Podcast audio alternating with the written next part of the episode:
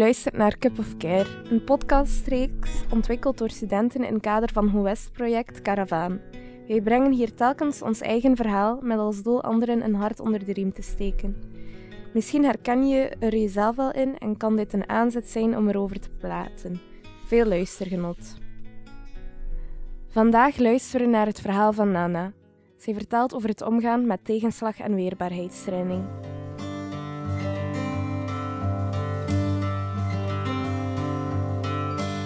Ik ben Anna. Ehm, ik ben uh, een alleenstaande mama van drie kinderen. Ik ben eigenlijk terug gaan studeren hier aan de West. Het was belangrijk voor mij om uh, mijn verhaal te vertellen, eigenlijk ook naar alle alleenstaande mama's of mensen die wat op oudere leeftijd zijn om terug te gaan studeren, maar ook om jongeren te inspireren in het opzicht van um, je studies, misschien in het later leven, dat dat niet de juiste keuze was, dat je eigenlijk altijd opnieuw een andere keuze hebt om alles eigenlijk nog een keer over te doen. Dat dat helemaal niet erg is.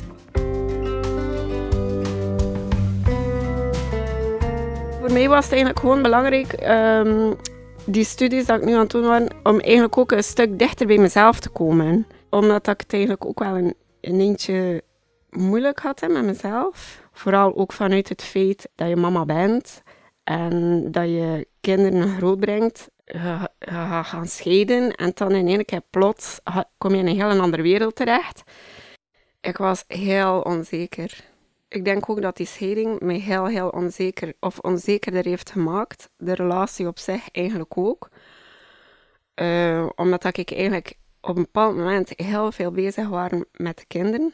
En dan begin je eigenlijk bij jezelf na te denken van shit ja, wat, wil ik hier eigenlijk nu nog? Ik wil meer zijn dan alleen ouder van. Ik weet ook niet of ik me 100% oké voelde in de job dat ik voordien. En... Ik, ik wist het totaal niet meer. En ik hoorde me, mezelf constant hetzelfde verhaal vertellen. En op den duur zie je jezelf zo kotsbeu hoort, dat ik op een bepaald moment zei tegen mezelf van, nu is het genoeg, nu moet je daar iets aan doen. En had er gewoon voor. Lukt het niet, dan lukt het niet, maar doe het gewoon. Want hier bluffen, allez, blijven babbelen met een psycholoog en elke keer dat verhaal, dat wordt saai. En, en ja, dat is in een wachtkamer, dat is ambetant, dat is, dat is niet leuk. En, en van daaruit heb ik dan gedacht zo van, ah ja, misschien is orthopedagogie dat wel mijn ding. Nu dat ik eigenlijk orthopedagogie beter en beter, uh, of ja, ja, beter en beter begin te kennen, zie je dat dat een heel, heel ruim uh, beroep is. En voel ik van mezelf ook dat dat meer en meer, dat, dat, dat dichter bij, bij mezelf staat. Het leuke er nu aan is, het is moeilijk, maar je voelt jezelf groeien. En dat is belangrijk als persoon, dat je, dat je jezelf voelt groeien. Dat maakt het leven ook interessant. Ik wens iedereen toe dat je eigenlijk je buikgevoel volgt. En het moeilijk gaat, dat je niet in dat wachtkamertje zit. Je mag nog altijd durven dromen en probeer dat ook wel, um, die droom dan eigenlijk ook wel um, een stuk waard, allez, waard te maken.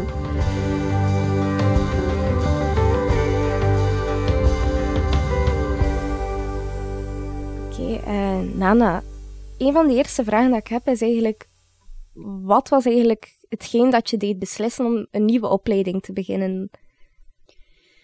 Um, de beslissing voor mij was dat ik, dat ik me sowieso niet goed voelde in mijn vel. En ik was gewoon niet gelukkig. Um, ik kon ook niet meer benoemen waarom dat ik niet gelukkig was. En niemand kon mij daar eigenlijk ook een stuk in helpen. Um, waardoor dat ik eigenlijk dan voor een stuk ook voor mezelf beslist oké, hier moet ik het nu een keer over een andere boeg gooien en ik wil dichter bij mezelf staan. Um, ik wil mezelf beter leren kennen. Um, waardoor dat ik dan eigenlijk de beslissing heb genomen om terug te gaan studeren. Uh, Want je niet goed voelen op een werkplek, ehm, niet kunnen zijn wie dat je wil zijn, uh, dat is lastig. Dat is, um, ja, dat is gewoon niet leuk. Als je heel de dag je eigenlijk erdoor moet sleuren, um, en je gewoon niet happy voelt, je gaat er dan compleet onderdoor. En daarom vond ik het belangrijk voor mezelf om terug goed in mijn vel te voelen. Ik wou terug gelukkig zijn. En heb ik dan de beslissing genomen om terug te, te gaan studeren, me te heroriënteren. Oké.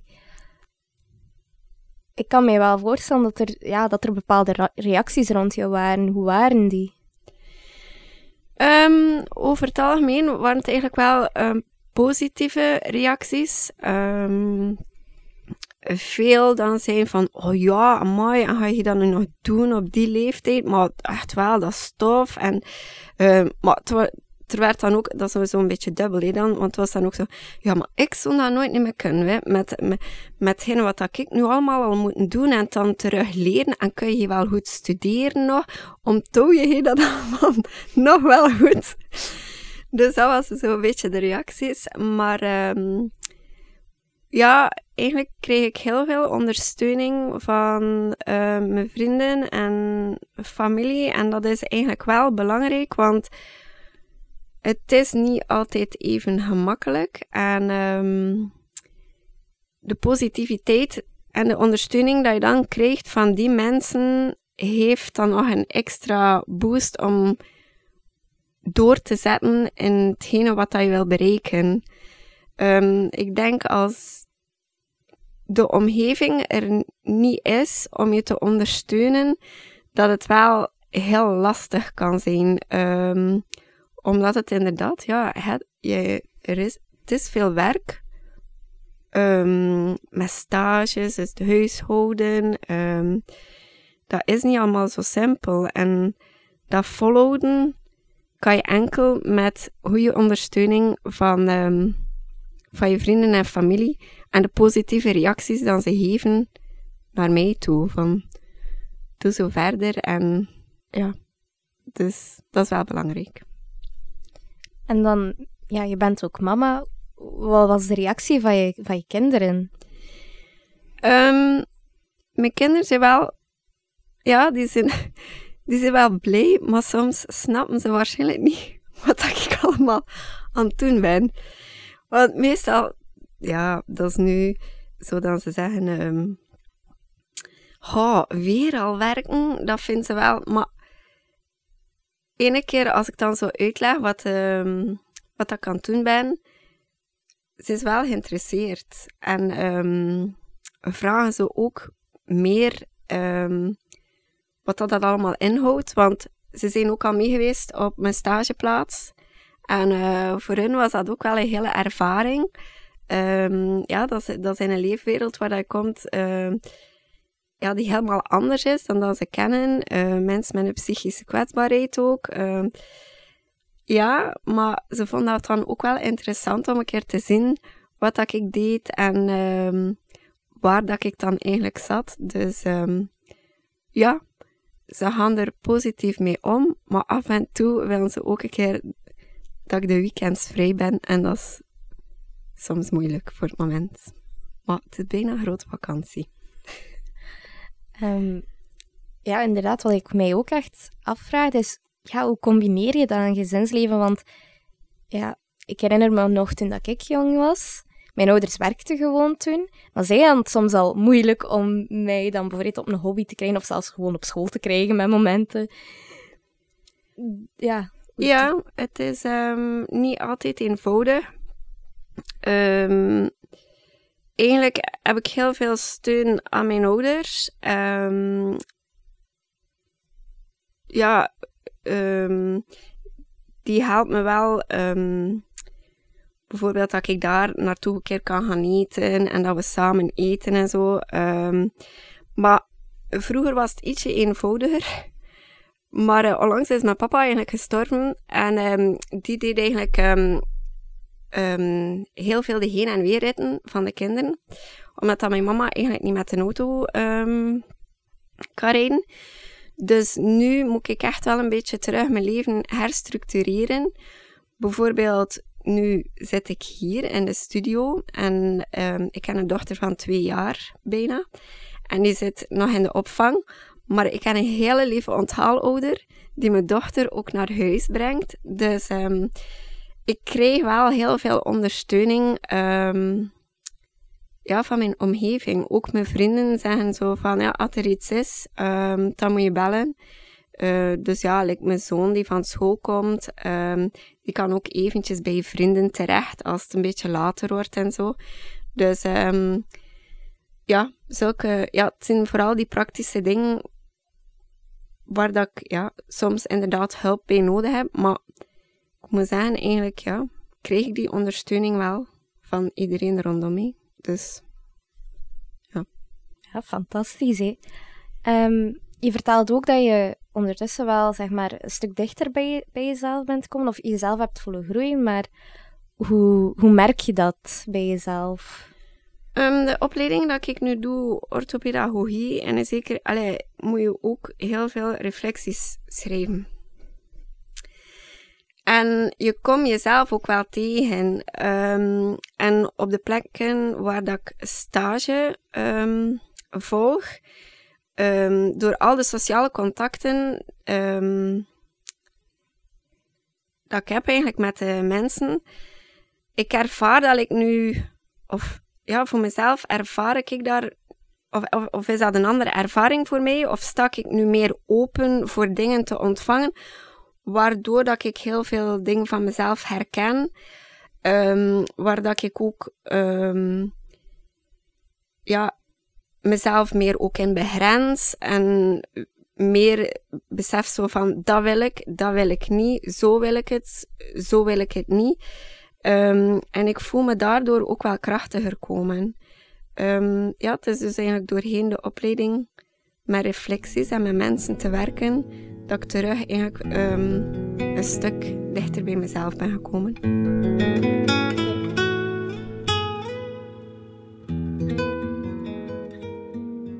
Um, ik ben het eerste dat ik doe met een tegenslag is enorm vloe. Ja, het is al te zien wat er gebeurt. Um, en ik ben dat ik toen uh, zien van, van oké, hoe kan ik de situatie nu wel aanpakken? En, en hetgeen dat ik vooral één is het moment zelf, dus ik toen zodanig overspoeld van alles dat er gebeurt, dat ik toen wel achteraf proberen wel nog van oké, maar eigenlijk was niet alles slecht. Ik denk dat je dat ook wel een stuk leert. Hè? Um, bijvoorbeeld, mijn man heeft een hele periode werkloos geweest. Vroeger ging ik daarover panikeren. Maar de laatste jaren had ik dan zo van, ja, het is wat het is. En ja, op die manier daar leer mee omgaan. Papa is vroeg gestorven, dat vond ik eigenlijk wel verschrikkelijk. En kort nadien heeft mijn man een arbeidsongeval gehad en dat vond ik ook verschrikkelijk. En dan heb ik het gevoel dat je wereld even stilstaat. Uh, zeker bij dat arbeidsongeval van mijn man. Hè, ze kwamen me dat zeggen op mijn werk en ik had dat even niet door. En je wereld stond stil en je hoort niks niet meer. En het was dan uh, de coördinator die dan zei van Carina, wat ga je nu doen? Uh, hoe ga je nu mee naar het ziekenhuis gaan? Wat ga je doen met je kinderen? Die het voor mezelf dan eigenlijk even op een rijtje zetten. Het, de grootste tegenslag dat ik had was met het sterven van mijn broer. Ja. Omdat ik zo'n beetje zijn enigste vertrouwenspersoon was. Ik heb um, nog altijd het gevoel zo van dat hoefde niet dat hij gestorven is. Uh, ik had meer moeten doen. Alhoewel dat, dat, niet toegelaten werd voor iets te doen. Vond dat zo. Van, ik, kan, allez, ik zit in de hulpverlening en kan mijn eigen familie en broer niet, niet aan. Dat vond ik een verschrikkelijke tegenslag. Ik denk dat ik eerst, als, als ik die tegenslag hoor, um, dat ik eigenlijk voor mijn eigen uh, een maskertje op heb. En als ik alleen ben, dan ga ik daar eigenlijk zak ik wel diep in de put. Uh, dat duurt een half uurtje en dan ga ik aanpakken. Zelf in actie schieten. Allee, ja, bijvoorbeeld nu, mijn man zit in de plaaster. Ja, je kunt zeggen van oei oei en paniek en allemaal. Maar nee, ja, gewoon. Doe wat je kan. En, en, en ja, we zien wel verder dan. Uh, je moet verder bouwen. En, en in de eerste dagen gaat dat allemaal wel, vind ik. Zo van die tegenslag, je, je, je hebt de kracht om, om, om verder te doen. Maar ik vind dat de weerpots altijd een beetje achteraf komt. Van het moment dat het probleem bijna opgelost is, krijg je zo de weerpots. En bij mij uitte zich dat voornamelijk in uh, stress eten. Ik ben in die periode vijf kilo bijgekomen. Zo van stress, stress, stress. Maar als het probleem voorbij is, ik vind dat je zo van het moment dat dat probleem daar nog eens zit, je zo in een drive en, en probeer je dat op te lossen en roei je met de riemen eh, die je hebt, maar achteraf uh, overmand je dat dan en moet je toch even stapje terugpakken en zeggen van oei, ik heb nu even tijd nodig voor mezelf om er weer bovenop te komen.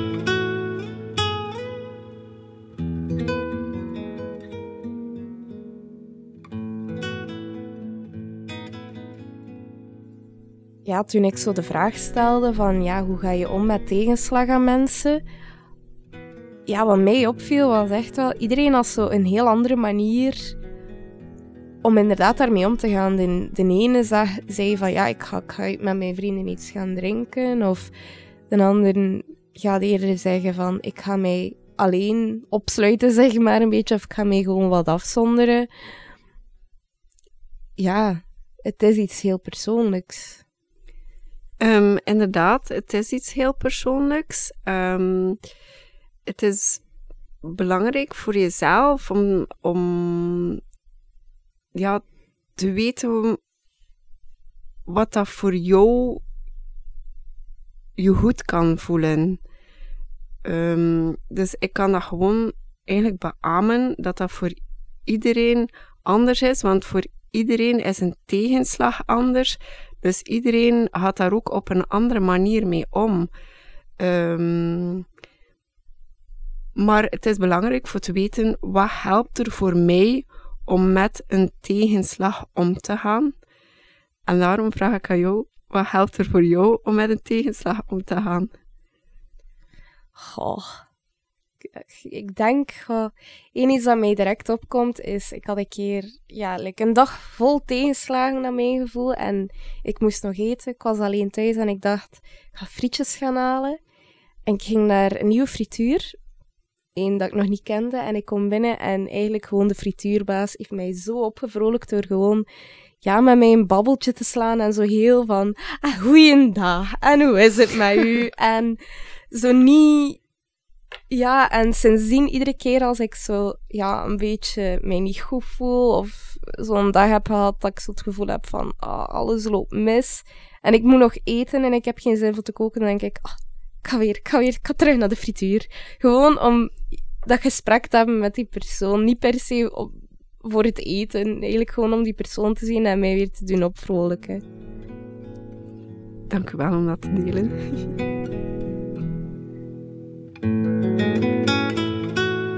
Wat ik heb meegenomen uit het gesprek vandaag is 1. Het belang van een omgeving die je ondersteunt en helpt.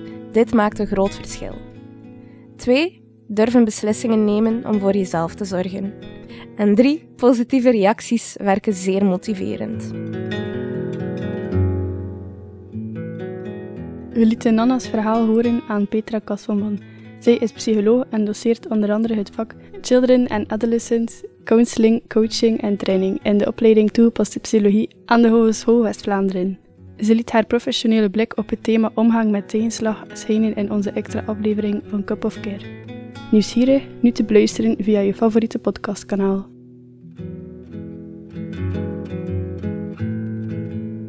Heb je na het luisteren van deze podcast nood aan een babbel of een duwtje in de rug? Op www.goes.be slash caravan vind je een overzicht van organisaties waar je terecht kunt. Of kom eens langs bij Stuvo.